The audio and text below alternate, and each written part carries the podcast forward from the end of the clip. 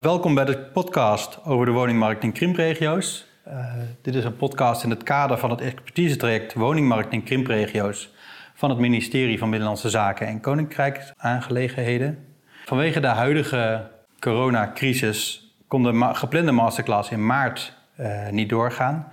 Maar we gaan natuurlijk niet bij de pakken neerzitten en spreken vandaag met een van de wethouders die bij de masterclass een reflectie zou geven op het vraagstuk van krimp in de bestuurlijke context en de gevolgen daarvan voor de woningmarkt. Uh, nu in de vorm van een podcast. En we zijn in gesprek met onze speciale gast Jouke Spoelstra, wethouder in de gemeente Achtkarspelen. Als wethouder is Jouke Spoelstra onder andere verantwoordelijk voor de werkgebieden ruimtelijke ordening, volkshuisvesting, woningbouw en dorpsvernieuwing. En hij neemt ons mee vandaag in de woningmarkt van Achtkarspelen en deelt zijn ervaringen. Welkom Jouke. Ja, graag. Leuk dat we bij jou thuis mochten langskomen. Ja, altijd welkom. Bakje koffie staat klaar. Ja. Uh, voor de mensen die minder bekend zijn in Friesland, kun je kort jezelf introduceren en vertellen waar Achtkarspelen is en wat voor soort gemeente dat is? Ja, ik kan me bijna niet voorstellen dat mensen Achtkarspelen niet kennen. Dus dat, uh, nee, uh, mijn naam is uh, Jouke Spoelstra inderdaad, sinds 2016 wethouder in deze prachtige gemeente. Het is een gemeente, uh, ligt wat op de grens tussen Friesland en uh, Groningen. Dus het is echt, uh, nou, wanneer ik het uit moet leggen aan ook andere mensen in het land, is het vaak boven Drachten. En horizontaal ligt het eigenlijk tussen Groningen en Leeuwarden in het midden. En het is een, een plattelandsgemeente. Dus veel dorpen, of elf dorpen hebben we vrij ruim opgezet ook allemaal. geen echt stedelijke kernen, maar wel twee hoofdkernen binnen de gemeente. Struisterveen en Buitenpost je houdt je bezig met uh, eigenlijk alles rondom wonen uh, en, en, dorpen in de gemeente. Kun je ons kort meenemen in, in wat het onderwerp van het expertise-traject bevolkingskrimp en de woningmarkt, wat het voor gevolg voor jullie heeft? Nou, het grootste gevolg is, we zitten dus in de Noordoosthoek van Friesland. En dat betekent dat je samen met nog drie andere gemeenten, dat zijn Tietzerkste deel, Dantemedeel en Wat is Friesland, één regio vormt. Ehm, in het verleden hebben wij eh, in die regio de krimpstatus uh, toebedeeld gekregen. Ehm, en zelf vond ik dat nogal een nou, vreemde status. Het was ook meer en meer gejuicht toen we dat kregen. Ehm, maar ik ben eigenlijk niet van het woord krimp. Ik, heb er ook niet heel veel mee. Dus we proberen dat ook helemaal te vermijden. Maar je zit wel in deze hoek waarin je in de bovenkant van de regio, dus tegen de Waddenzee, wanneer je daar kijkt, daar heb je te maken met bevolkingsdaling. Ook dorpen met veel leegstand. Terwijl je aan de onderkant van die regio, waar onder andere Akarspelen zich in bevindt, wel nog een groei hebt. Alleen als regio ben je in onderhandeling met de provincie over woningbouwafspraken. En dat maakt het lastig, want aan de ene kant heb je te maken met een stukje nou, leegloop in het noorden en aan de andere kant groei in het zuiden. En dat wil willen ze nou, tegen elkaar ingaan en dat uh, maakt het soms wel lastig. Je, je zei al van hey, ik, ik heb niet heel veel met krimp. Dan zeggen wij altijd van ja, uiteindelijk krijgt driekwart van Nederland uiteindelijk met bevolkingskrimp te maken. Wat, wat staat je nou daar zo in tegen? Wat is dat? Hè, waardoor jij zegt van nou, ik wil het krimp, woord krimp eigenlijk liever niet gebruiken. Nee. Het is meer al het plakkaat. Hè? Dus uh, er ging bestuurlijk hier en daar gejuichen op toen we de krimpstatus kregen. En dat had ermee te maken dat je procesgeld kreeg om dingen aan te vliegen. Het is niet zo dat, dat je de demografische ontwikkeling ontkent. Hè? Die ontken ik ook niet. Dat zie je eigenlijk in het hele land uh, met vergrijzing. Ook hier in deze regio uh, heb je daarmee te maken. Maar wanneer je voor een buitenstaander als in een krimpregio, over een krimpregio spreekt, heeft het een hele negatieve toon. Terwijl ik ook zie, juist in deze regio is er ontzettend veel gaande. Ik zie misschien op de duur ook wel een trek, misschien vanuit de Randstad of andere delen van het land, naar een regio met veel groen, met ruim opgezette kabels. En ik vind dat je veel meer, uh, ook marketingtechnisch, het uithangbord moet zijn en moet profileren waar je je onderscheidt en waar je in goed bent dan dat je steeds spreekt over een krimpregio. Het heeft gewoon een hele negatieve toon. Uh, dus in die zin heb ik helemaal niks met het woord en probeer ik het ook uit alle beleidstukken te schrappen. Nou, dat is hartstikke mooi. Lost dat het probleem op uiteindelijk? Nee, het, het gaat natuurlijk, het is geen woordelijk uh, probleem. Uh, maar het heeft wel uitstraling, dat merk ik ook voor mensen van buitenuit, die het dan hebben over Noordoost-Friesland. Oh, dat zijn die dorpjes die helemaal leeg lopen. en dat is dan het beeld wat vaak voor de regio wordt opgeroepen. Ja. En dat versnelt volgens mij alleen maar ook het proces qua nou, uh, vergrijzing noem het maar op. En mensen die hier niet wel heen komen. En, en daar strijd ik wel echt tegen. Dus ik ontken in die zin niet de, de demografische ontwikkeling. Ik vind ook dat we daar op tijd uh, op moeten inspringen. Maar dat woord krimp, nee. Dus eigenlijk wat ik je hoor zeggen is... krimp bestaat, eh, bevolkingsdaling bestaat. Laten we niet dat label op ons laten plakken... want dat zorgt er ook voor dat we daarmee minder aantrekkelijk worden. En dat moeten we niet willen. Nee, dat klopt. Aan de ene kant word je extern, word je daardoor meer, minder aantrekkelijk volgens mij. Aan de andere kant merk je ook dat zodra het gaat over krimp, dat ook een, nou, soms organisaties, ook overheidsorganisaties, compleet in de naar kramp schieten. Dat is ook zo'n uitspraak van niet, in, niet van de krimp in de kramp schieten. Maar dat het ook een soort angst teweeg brengt om dingen, uh, bijvoorbeeld woningbouwontwikkelingen, toe te staan of dan met een positieve bril naar te kijken. Ja. En, en nou, daar vind ik wel wat van inderdaad. In de masterclass hadden we de verschillende perspectieven willen gebruiken om handvatten te bieden aan medewerkers, hè, hoe daarmee om te gaan. Juist die bestuurlijke context van hoe, hoe kan ik mijn bestuurder ondersteunen om toch het gesprek aan te gaan, ook met partijen die een verschil van inzicht hebben. Heeft u daar voorbeelden van vanuit, het, uh, vanuit uw praktijk met het oog op de woningmarkt? En zou je ons daarin kunnen meenemen? Ja, dan zou je twee voorbeelden kunnen nemen. Aan de ene kant, wat ik net al benoemde, dat zijn de gesprekken tussen de provincie en de gemeenten. De provincie heeft een overkoepelende taak om te kijken naar hoe sturen we de woningbouwprogrammering. Uh, wij merken ook dat we als vier gemeenten heel veel gesprekken hebben gehad met de provincie. Uiteindelijk hopelijk ook dat leiden tot een positieve afloop. Maar je merkt dat met name de gemeenten vanuit inwoners en initiatieven heel veel vragen krijgen, ook richting bestuurder, om woningbouwprojecten toe te staan.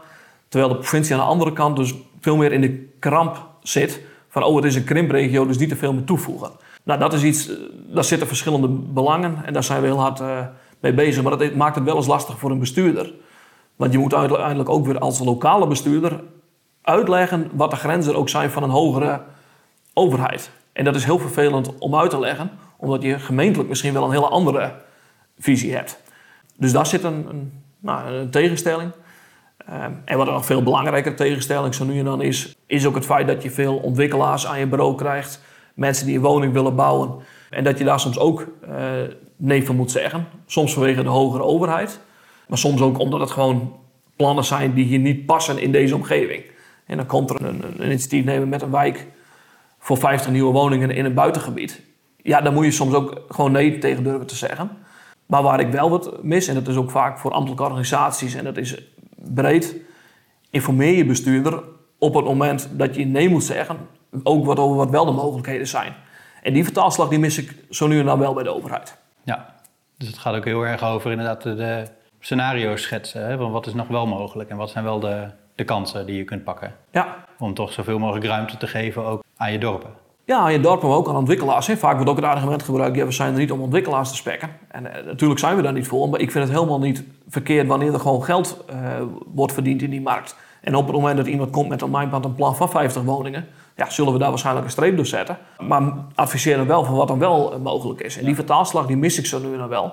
Dus als ambtelijke organisaties moet je inderdaad, vind ik ook, aan de voorkant scenario's schetsen voor je bestuurder die meegegeven kan worden aan initiatiefnemers. Dat is eigenlijk niet heel veel anders dan dat je met inwoners zou doen. Hè? Want ook daar is het is niet ja of nee, maar het is hoe dan wel misschien. Ja, en we zijn er heel erg op aan, het sturen, maar je merkt gewoon dat het in de praktijk uh, wel lastiger is. Dat er vaak wordt aangegeven van hey, dit kan niet. En daar kom je heel moeilijk doorheen. En dat is, vind ik zelf als bestuurder ook wel eens uh, lastig. Dat zou wel een tip zijn ook voor de organisaties. Van kijk er op die manier naar. En geef inwoners ook gewoon eh, perspectief ergens op.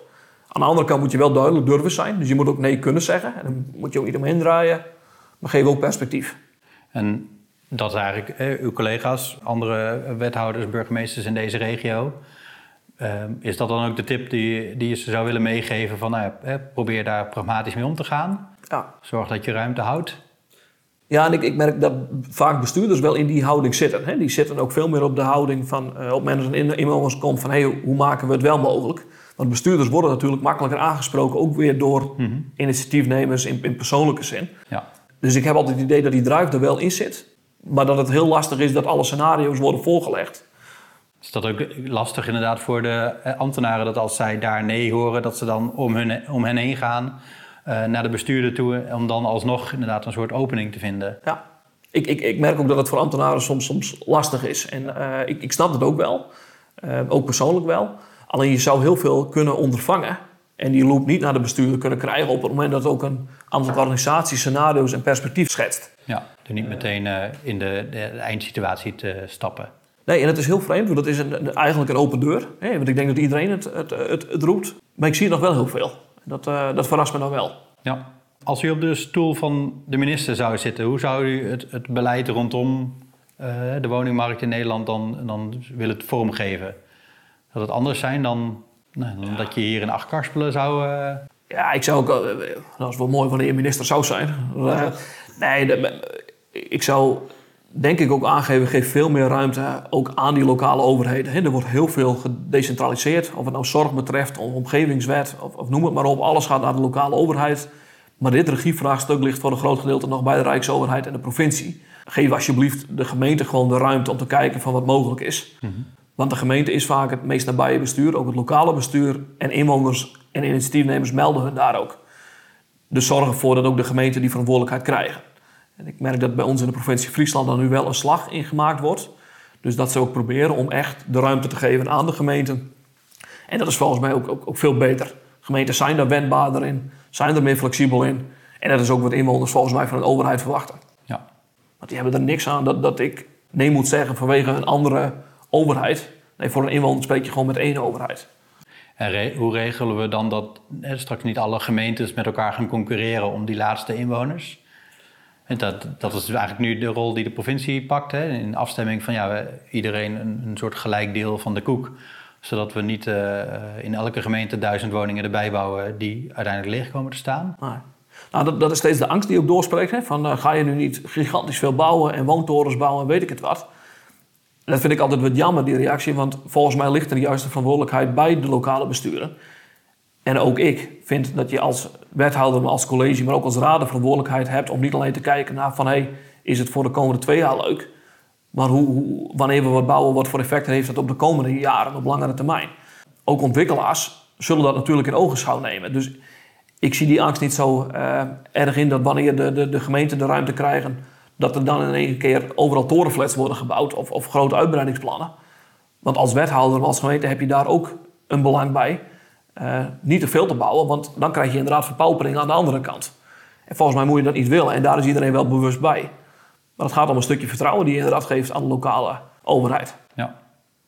Hoe zouden we die verpaupering, hè, want dat, dat, uiteindelijk is dat een effect wat bevolkingskrimp met zich meebrengt. Dat aan de onderkant van de woningmarkt ja, komen uiteindelijk komen woningen die blijven over. En daar moeten we wat mee. Ja. Ik neem aan dat dat op dit moment nog niet aan de orde is in Achtkarspelen. Nee. Maar eh, even door onze oogharen heen kijken naar de toekomst toe. Wat zou uw aanpak uh, daarin zijn? Ja, dat is misschien wat tweeledig. Aan de ene kant uh, er wordt provinciaal ook gekeken naar een soort transitiefonds. Uh, dus dat je misschien als overheid of samen met particuliere woningen opkoopt, nou, verbetert of misschien sloopt en daar een iets minder aantal woningen weer neerzet. En dat je op die manier ook dat heeft vaak de, stedelijke aanpak, hè, dat je op die manier blijft vernieuwen. Ook gemeentelijk hè, zijn we daar ook aan het kijken van wat, wat zijn daar de mogelijkheden, uh, mogelijkheden voor. Het speelt op dit moment nog niet in het hoor, dus het is niet zo dat er kernen leeg staan of uh, wat dan ook.